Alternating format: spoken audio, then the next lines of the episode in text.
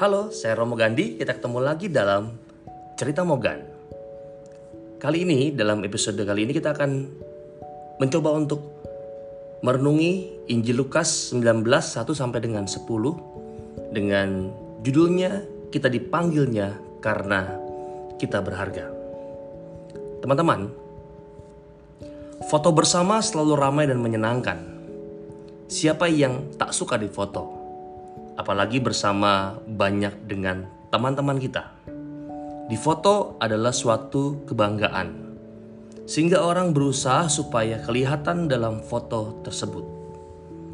Akan tetapi, meskipun jarang diperhatikan, sebagian orang terlalu bersemangat sehingga berupaya dengan berbagai macam caranya supaya dirinya tertangkap oleh kamera. Dengan kata lain, selalu ada yang bersemangat untuk menampilkan diri dan ini bisa jadi untuk menutupi sebuah kekurangan. Anak muda mempunyai sebuah istilah pose gila untuk tampil beda dan menarik perhatian. Akan tetapi, ekspresi yang berlebihan biasanya itu untuk menutupi sesuatu. Kecenderungan seperti itu bisa disebut mencari kompensasi. Misalnya, Orang yang kurang tinggi mencari sepatu dengan hak yang tinggi. Orang yang kurang pandai justru lebih banyak bicara tentang segala hal. Orang yang sulit bergaul mengoleksi nomor telepon teman-temannya. Tentu saja, tidak semua kebiasaan adalah kompensasi atas kekurangan diri tetapi kita tahu masih ada kebenaran pada anggapan tersebut. Dalam banyak hal kita mencari kompensasi atas kelemahan-kelemahan kita, supaya kita diperhitungkan oleh orang lain. Sejauh tidak merugikan, memang hal itu tidak terlalu menjadi sebuah masalah besar. Akan tetapi, ketika pengaruhnya buruk, kita mesti mengoreksinya. Zakheus dalam Injil Lukas 19 1 sampai 10 merasa dirinya kecil. Dan itu bukan hanya karena badannya pendek. Sebelum orang bicara dan mengadilinya sebagai pengkhianat bangsa karena bekerja untuk penjajah, Zakheus sudah merasa tidak berarti dan tidak diperhatikan oleh orang lain. Oleh karena itu ia mencari kompensasi dengan mengumpulkan uang. Banyak dengan cara yang menyakiti hati bangsanya. Ia ingin diperhitungkan. Akan tetapi, semakin ia kaya dan mempunyai posisi di mata penjajah, Zakheus malahan semakin dibenci dan dijauhi oleh banyak orang sebangsanya. Ia hidup dalam lingkaran setan, perasaan yang tidak berharga komunitas yang serba mengadilinya, dan hilangnya penghargaan kepada setiap pribadi. Yesus pun sampai ke tempat Zakheus. Ia melihat ke atas. Dalam bahasa Yunani adalah Ana Blepo kepada Zakheus dan menawarkan makan bersama di rumahnya. Yesus bukan hanya melihat ke atas karena Zakheus ada di atas pohon tetapi terutama karena Yesus melihat ada kebaikan dalam diri Zakheus. Teman-teman, kata Anna Blepo berarti melihat ke surga. Yesus melihat surga, wajah Allah dalam diri Zakheus. Dan Zakheus pun mendapat wajah baru karena kini ia diperhitungkan dan juga diampuni. Yesus menunjukkan bahwa kasih Allah tidak memandang yang namanya penampilan.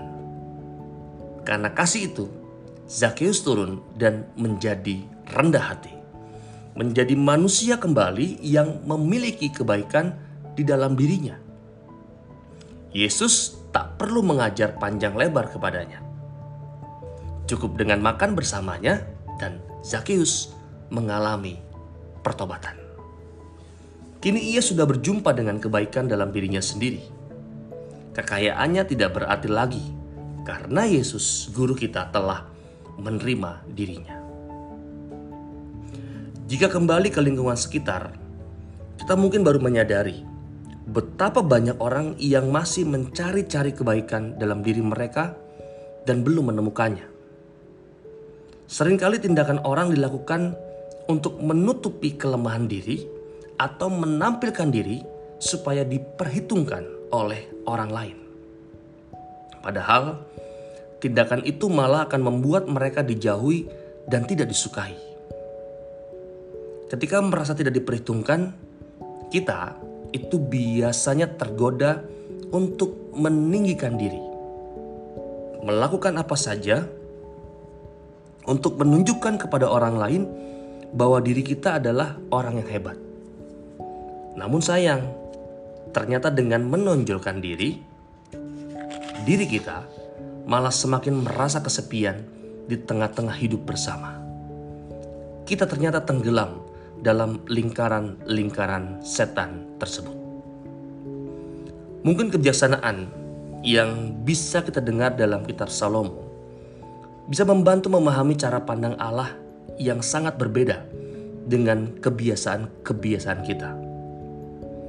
Penulis kita berdoa, justru karena engkau berkuasa akan segala sesuatu, maka semua orang kau kasihani Engkau tidak benci kepada siapa pun, apa pun yang telah kau buat.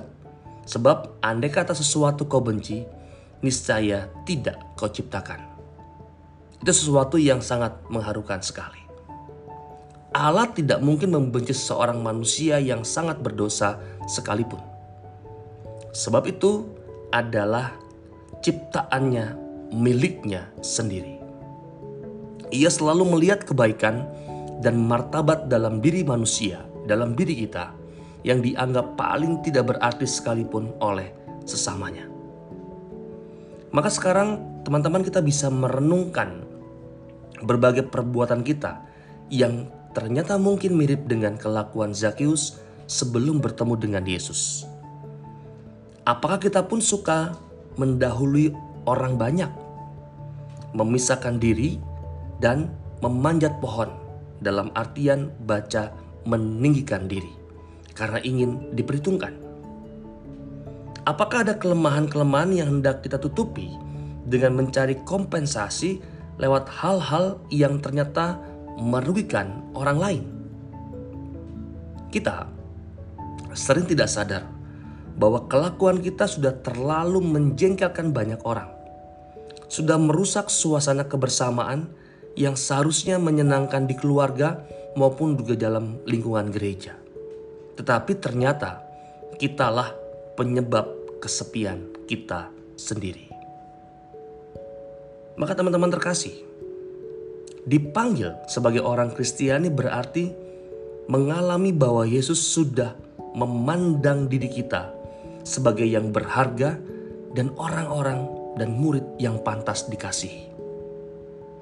Yesus selalu melihat kebaikan dalam diri kita sejak kita dilahirkan di dunia. Meskipun kita berkali-kali salah jalan dan mungkin merasa sudah terlanjur memutuskan sesuatu yang keliru, tak usah khawatir. Tuhan tidak mungkin membenci, bahkan juga meninggalkan kita. Tuhan akan selalu membuka pintu pertobatan kepada kita. Apa pun pekerjaan kita, Tuhan akan memanggil nama kita agar turun dari setiap kekeliruan, kesalahan, kedosaan. Sebab pada hari ini ia harus menumpang di rumah kita. Semoga refleksi pengalaman dari diri pribadi Zakius dalam Injil Lukas 19 1 sampai dengan 10 menginspirasi kita untuk hidup lebih baik di mata Tuhan.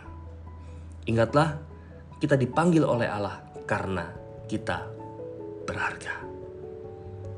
Kita ketemu lagi dalam cerita Mogan yang berikutnya, yang tidak kalah menarik. Saya Romo Gandhi, kita ketemu lagi pada episode berikutnya. Salam.